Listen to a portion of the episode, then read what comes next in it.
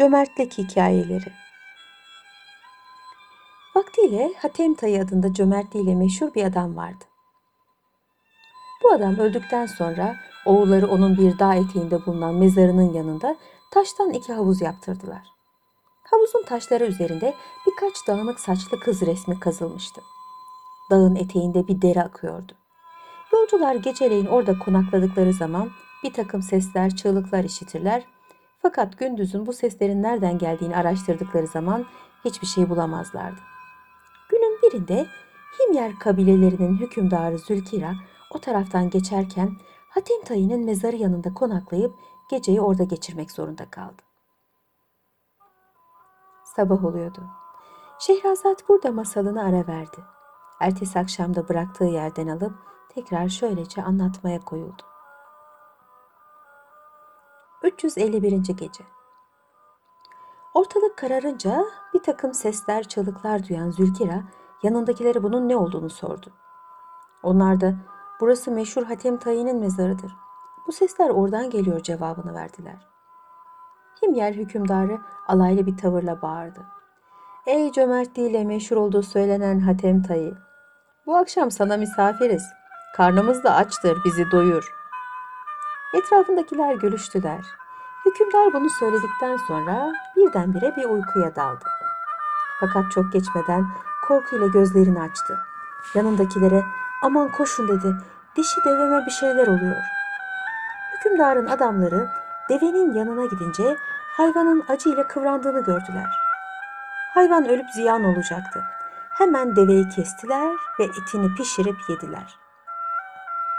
Yemekten sonra hükümdara uykudan neden korkuyla uyandığını sordular. Zülkira da cevap verdi. Rüyamda Hatem Tayi'yi gördüm. Bana bize misafir geldiniz. Yazık ki ikram edeceğimiz bir şey yok dedi ve gidip devemi kesti. Uyandığım zaman gördüğünüz gibi devem çırpınıyordu. Kesmeseydiniz ölecekti. Sabah oluyordu. Şehrazat burada masalını ara vermek zorunda kaldı. Ertesi akşamda şöylece tekrar anlatmaya devam etti. 352. Gece Ertesi gün Zülkira adamlarından birinin devesine bindi. Onu da arkasına alıp yola koyuldu. Öğle üzeri önlerine deveye binmiş bir göçebe çıktı. Yedeğindeki deveyi Himyer hükümdarına teslim ederek ben Hatem Tayi'nin oğlu Adi'yim dedi. Dün gece rüyamda babamı gördüm. Size bu deveyi vermemi söyledi. Çünkü o sizin devenizi kesmiş. Zülkira deveyi aldı. Hatem Tayi'nin öldükten sonra bile cömertliğini bırakmayışına şaşmış bir halde yoluna devam etti. Zahide oğlu Maan Zahide oğlu Maan tanınmış cömertlerdendi. Bir gün ava çıkmıştı. Dönüşünde çok susadı. Adamları her ne kadar su aradılarsa da bulamadılar. O sırada sırtlarında su tulumları olduğu halde yanlarından üç genç kız geçti. Sabah oluyordu. Şehrazat burada masalını ara verdi. Ertesi akşamda bıraktığı yerden şöylece tekrar anlatmaya koyuldu.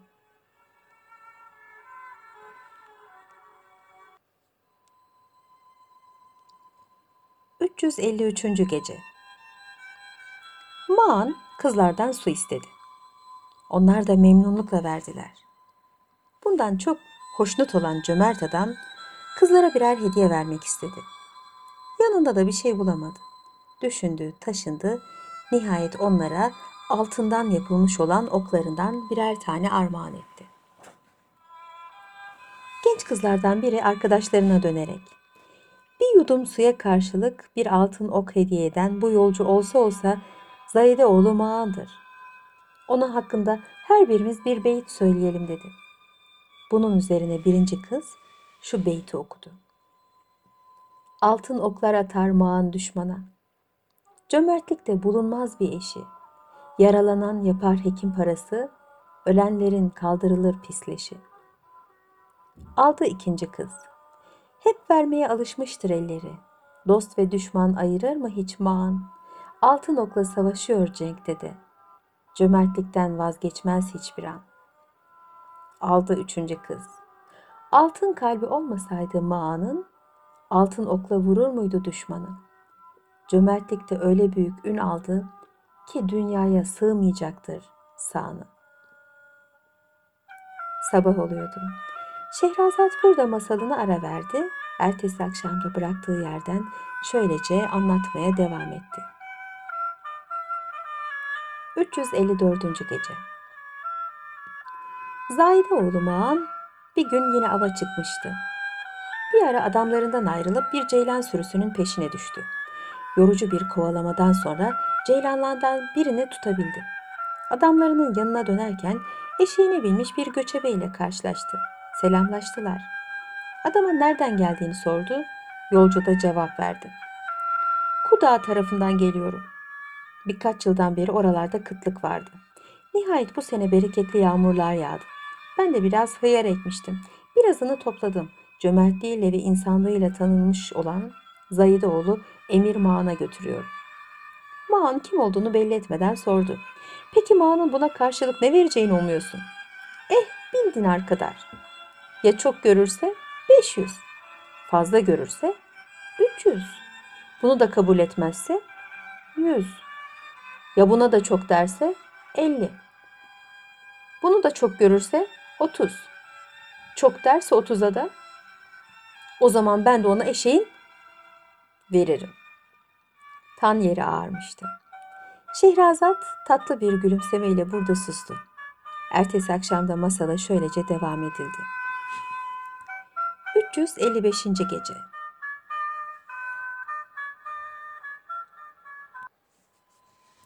Maan gülümseyerek atını mahmuzladı, çadırına gelince de muhafızını. Biraz sonra eşeğe binmiş bir göçebe gelirse yanıma gönder. Emrini verdi. Beklemeye başladı. Bir saat sonra adam geldi. O sırada muhafızları ve uşakları arasında oturan, üzerinde başka bir elbise bulunan Emir Mağan'ın yanına girdi. Selam verdikten sonra Mağan sert bir sesle ne istediğini sordu. Bedevi yanında getirdiği hıyar torbasını göstererek Efendimiz dedi size bunları hediye getirdim. Mağan sözünü keserek kendisinden ne umduğunu sordu. Adam bin dinar cevabını verince Mağan bunu çok gördü. İhtiyar 500'e, 100'e, 50'ye, nihayet 30'a kadar indi. Mağan bunu da çok görünce adam hiddetle söylendi. Biraz evvel yolda rastladığım atlı ne uğursuz herifmiş. Sabah oluyordu. Şehrazat burada masalını ara verdi. Ertesi akşamda bıraktığı yerden tekrar şöylece anlatmaya başladı. 356. Gece Maan bunu işitince dayanamadı, güldü. O zaman ihtiyar onu tanıdı. İstifini bozmadan çadırın kapısını işaret etti. 30 dinarı verirsen verirsin yoksa eşek kapıda duruyor dedi. Bunun üzerine Maan kahkahayla gülerek haznedarına döndü. Şu adama 2000 dinar veriniz dedi. İhtiyar göçebe bu ummadığı parayı alarak sevinç içinde memleketine döndü. Hükümdarla köylü çocuk Emeviye hükümdarlarından Hişam İbni Abdülmelik bir gün ava çıkmıştı. Gördüğü bir ceylanın peşine av köpeklerini saldırttı. Kendisi de atla kovalamaya başladı. Fakat ceylanı yakalayamadı. O sırada önüne çıkan küçük bir çobana seslendi. Hey çocuk, şu ceylanı tut da bana getir. Çocuk başını kaldırarak sert bir cevap verdi. Saygısız adam, neden beni küçümseyip de öyle emrediyorsun? Hükümdar sinirlendi. Sen beni tanıyor musun? Çocuk cevap verdi. Terbiyesizliğin seni bana tanıttırdı. Selam vermeden konuşuyorsun. Hükümdar bağırdı. Bana bak, ben hükümdarınız Abdülmelikoğlu Hişam'ım. Memleketine ulaşmayıp mezarı boylayasın. Ne kadar fazla konuşuyorsun. Köylü çocuk sözünü bitirmeden hükümdarın adamları etrafını çevirdi. Hişam çocuğu yakalayıp şehre götürmelerini emretti. Sabah yaklaşmıştı.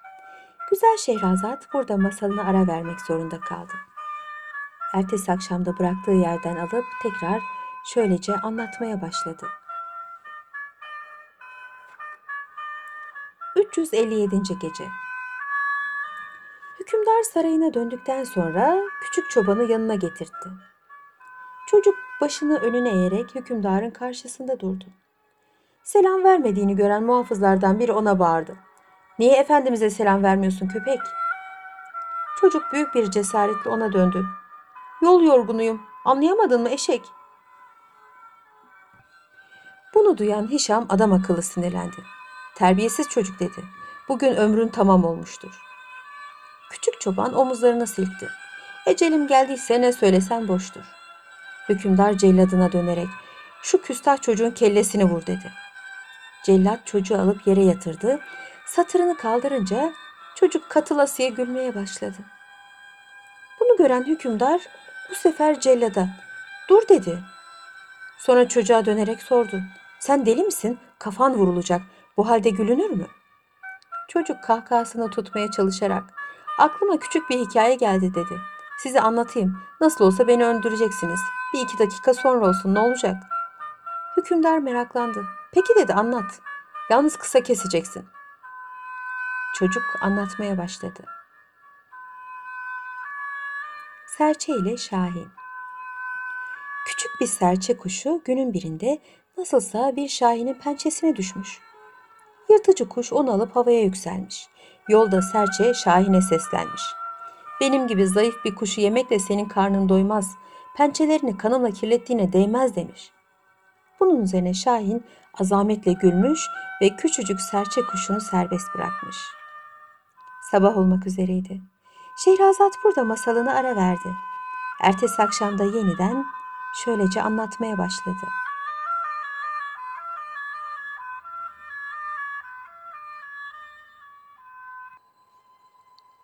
...358. Gece Hükümdar Hişam bunu işitince yanındakilere döndü.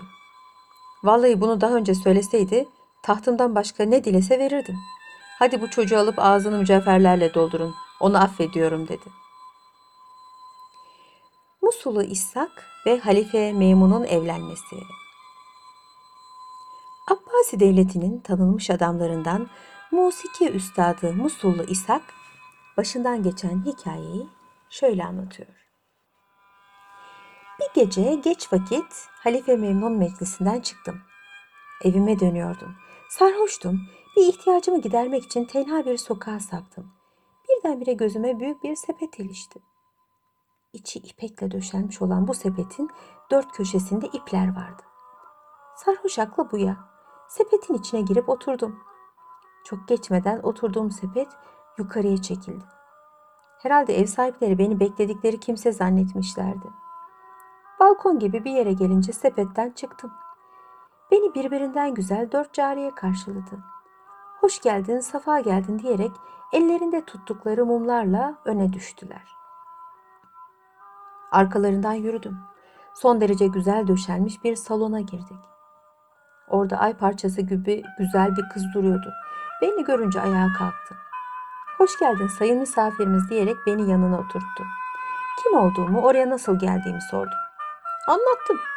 Arkadaşlarla beraber biraz fazla kaçırdık. Gece evime dönerken yolda sıkıştım. Tenha bir sokağa sapayım dedim. Orada bir sepet gördüm. Şeytan şu sepetin içine gir dedi. Ondan sonrası da malum. Sabah oluyordu. Şehrazat burada masalını ara vermek zorunda kaldı. Ertesi akşamda şöylece tekrar anlatmaya koyuldu. 359. Gece Kız gülümsedi. Çok şükür başınıza başka bir hal gelmemiş dedi. Affedersiniz, ne iş yaparsınız? Ondan kim olduğumu gizleyerek Bağdat çarşısında bir tüccar olduğumu söyledim. Edebiyattan, şiirden anlar mısınız diye sordu. Biraz anlarım. Fakat daha heyecanım geçmedi. İsterseniz siz başlayın da ben açılayım dedim. Bunun üzerine güzel kız birçok şairin en güzel şiirlerini söylemeye başladı. Artık dayanamayarak ben de lafa karıştım. Bildiğim birçok güzel şiirleri kendisine okudu. Kız benden çok hoşlandı. Daha evvel beni şöyle böyle bir adam zannediyordu. Hemen bir yemek sofrası kurulması için emir verdi. Sabah oluyordu. Şehrazat burada masalını ara verdi. Ertesi akşamda bıraktığı yerden tekrar şöylece anlatmaya koyuldu. 360. Gece Biraz sonra önümüze çiçeklerle süslü ve içinde nefis yemekler, mevsim yemişleri bulunan bir sofra kuruldu. Kız benimle 40 yıllık ahbapmış gibi senli benli konuşuyor, beni memnun etmek için elinden geleni esirgemiyordu. Artık kendimi yabancı bir yerde hissetmiyordum. Kızın verdiği içki kadehlerini de yuvarladıktan sonra büsbütün açılıp çeşitli konulardan konuşmaya başladı. Kız göz kırparak, siz tüccara benzemiyorsunuz. Anlattığınız şeylerden büyük adamlarla arkadaş olduğunuz anlaşılıyor. Hatta diyebilirim ki siz halifenin bir nedimi gibi konuşuyorsunuz dedi. Kendimi belli etmemek için şöyle cevap verdim. Benim bir komşum var. Saray adamlarındandır. Bu anlattıklarımı ondan dinledim. Kız bu sözlerime inanmış gibi sustu. Biraz sonra bana sordu. Ut çalmasını biliyor musunuz? Bana gösterilen bunca ikramdan sonra bu teklifi reddedemedim. Eh biraz beceririm dedim. Sabah oluyordu. Şehrazat burada masalını ara verdi. Ertesi akşam da bıraktığı yerden şöylece anlatmaya devam etti. 361. Gece Bunun üzerine kız ayağa kalktı. Güzel bir ut getirdi. Bana vermeden önce atıldım. Siz herhalde iyi çalıyorsunuz. Önce siz bana bir fasıl dinletin, bana da cesaret gelsin. Kızcağız hatırımı kırmadı. Çaldı. Gayet tatlı bir sesi vardı. Udu da çok güzel çalıyordu. Söylediği şarkıyı bitirdikten sonra sordum.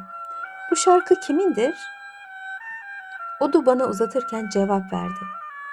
Musullu İshak'ın. Ya dedim, bu adam o kadar büyük bir musiki üstadı mı?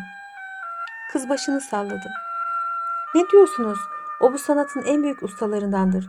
Hele bu şarkıyı kendisinden dinleseniz kendinizden geçersiniz. Tekrar çalıp söylemeye başladı.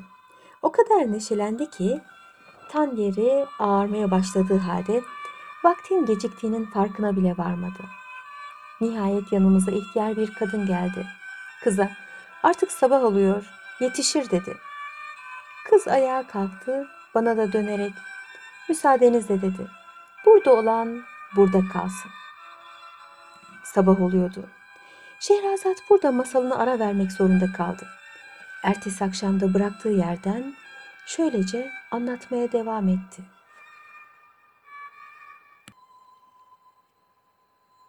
...362. Gece İhtiyar kadın beni kapıya kadar uğurladı. Doğru evime gittim. Öğleye kadar uyuduktan sonra halifenin yanına döndüm. Geç vakte kadar meclisinde bulunduktan sonra o güzel ve zeki kızın sohbeti hatırıma geldi. Saraydan çıkıp o mahalleye gittim. Sepet yerinde duruyordu. Hemen içine atladım ve evvelki geceki gibi karşılandım. Kız beni görünce yine mi geldin dedi. İşi pişkinliğe vurarak yanlışlıkla sepete düştüm diye cevap verdi. Kız beni odasına alarak evvelki geceden daha fazla ikram etti. Sabaha kadar tatlı tatlı sohbet ettik. Ona ut çaldım, güzel şiirler okudum, fıkralar, hikayeler söyledim. Sabah ezanı okunurken oradan ayrıldım. O gün halifenin çok işi vardı. Bir yere gidip gelinceye kadar beklememi söyledi. Biraz durduktan sonra halifenin darılacağını hesaba katmadan saraydan ayrıldım. Yine o sokağa gittim. Sepet yerinde duruyordu. İçine girdim. Çok geçmeden beni yukarıya çektiler. Kız beni balkonda görünce şakacı bir tavırla "Oo, yine mi sen? Burayı kendi evin sandın galiba." dedi. Gülümsedim. "Size kurban olayım. Böyle bir şey düşünmedim. Yalnız misafirlik hakkı üç gündür. Ondan sonra gelirsem o zaman söyleyin dedim. Tam yeri ağarmıştı. Şehrazat tatlı bir gülümsemeyle burada sustu. Ertesi akşam da masala şöylece devam edildi. 363. Gece Kız sesini çıkarmadı. Yine beni odasına götürdü. Beraber oturduk, yedik, içtik, sabaha kadar eğlendik. Halifenin muhakkak beni sorguya çekeceğini bildiğim için onu da eve getirmeyi aklıma koymuştum. Kıza neşeli bir anında sizin musikiye ve edebiyata çok meraklı olduğunuzu görüyorum. Benim bir amca oğlum var. Çok kibar, çok terbiyeli bir adamdır. Musullu İshak'ı yakından tanır. Bestelerini ezber bilir. Müsaade ederseniz yarın akşam onu getireyim dedim. Kız dudak büktü. Seni kim davet ediyor ki sen başkasını çağırıyorsun? Bu sözlere üzülür gibi göründüm. Siz bilirsiniz dedim. Kız gülerek gözümün içine baktı. Eğer amcanın oğlu hakikatten dediğin gibi ise onun hatırı için yarın akşam gel. Sabah olunca evime gittim. Fakat dinlenmeye vakit bulamadan Halife Memnun'un adamları gelip beni yaka paça saraya götürdüler. Sabah oluyordu. Şehrazat burada masalını ara verdi. Ertesi akşamda bıraktığı yerden şöylece anlatmaya başladı.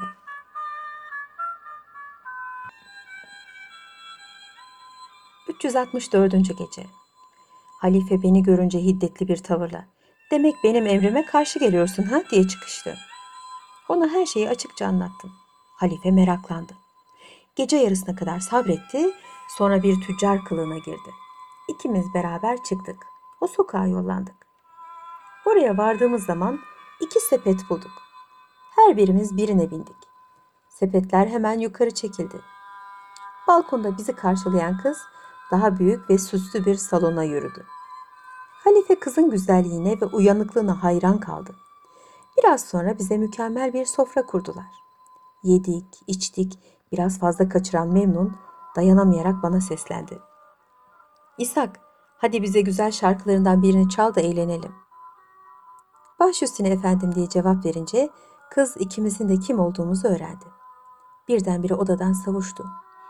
Bunu gören halife bana şu ev sahibini bul da yanıma çağır emrini verdi. Yine sabah yaklaşmıştı. Şehrazat burada da masalını ara vermek zorunda kaldı. Ertesi akşamda bıraktığı yerden alıp şöylece devam etti. 365. gece. Hemen gidip ihtiyar kadını çağırdım. Evin sahibini sordum. Bu ev Hasan İbni Sehil'in evidir cevabını verdi. Halife ihtiyar kadından onu çağırmasını istedi. Bir saat sonra Hasan İbni Sehil halifenin yanına geldi. Halife sordu. Senin bir kızın var mı? Evet efendimiz var. Adı nedir? Hatice cariyeniz. Evli değilse Allah'ın emriyle onu bana verir misin? Emredersiniz. Ertesi gün halife kızın babasına 30 bin dinar verdi. Kızla evlendi. İsteği üzerine bu sırrı da ölünceye kadar kimseye açmadı. Esrarkeşle zengin kadın. Vaktiyle bir hac mevsiminde herkes Kabe'yi tavaf ediyormuş. Bu sırada perişan kılıklı, solgun benizli bir adam Kabe'nin örtüsünü tutarak Allah'ım kocasıyla arasını boz iki her neyse ben ona kavuşabileyim diye avazı çıktığı kadar bağırmaya başlamış.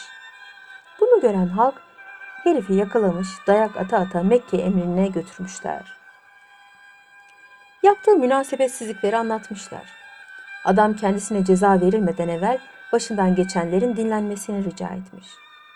Emir de buna razı olmuş. Adam anlatmaya başlamış. Ben mezbahada hamallık eden ve kazandığım parayı esrara veren bir serseriyim. Bir gün mezbahadan eşeğime yük yükletmiş, şehrin sokaklarından birinden geçiyordu. Birdenbire halkın kaçıştığını, birkaç iri yarı uşağın arkasından gelen kadınlara yol açtığını gördüm. Yoldan geçenlerden birisine bunların kim olduğunu sordu. Zengin bir aile kadınının uşakları hanımlarının rahatsız olmadan geçmesi için önlerine geleni dövüyorlar dedi. Bunu duyunca eşeğimi bir çıkmazın içine sokup beklemeye başladı. Tan yeri ağarmıştı. Şehrazat tatlı bir gülümsemeyle burada sustu. Hükümdar Şehriyar masalı ertesi akşam devam edilmesini istedi.